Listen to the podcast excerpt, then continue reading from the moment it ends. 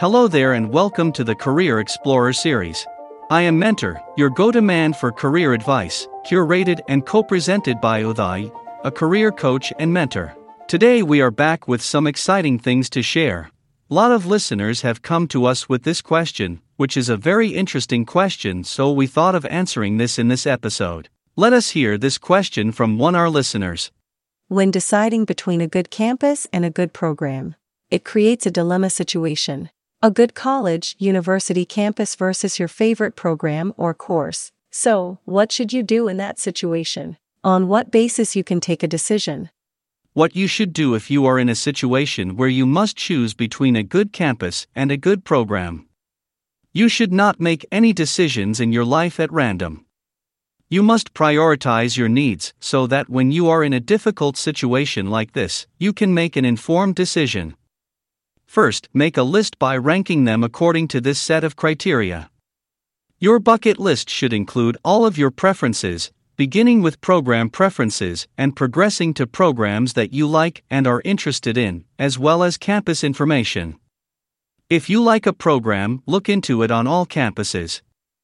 Evaluate and rank your options to determine which campus offers you the best exposure to the curriculum and career opportunities, such as campus placements, internships, industry interactions, and arrangements. Then start applying to those universities.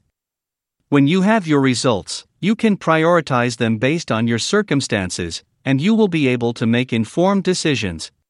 Always have several plans in place, such as Plan A, Plan B, and Plan C diversify your strategy to avoid being stuck. The pandemic has taught us that anything can happen and interrupt your career ambitions. It's better to be prepared with a plan than to be sorry later. Let me give you an example. If you want to pursue engineering as your plan A, you should first determine your passion, which type of engineering you really want to study, and you should be involved in that field. Once you've decided on the course in which you're interested, you can compile a list of college campuses where your research suggests that it would be beneficial to study on that campus. Plan B and Plan C are backup plans that represent your best next steps in your career. They must be diverse and unrelated to Plan A. Make lists for your Plan B and Plan C in case your Plan A fails. Organize your options so that you can make informed decisions during a crisis. Clarity in your decision can save you a lot of time and money.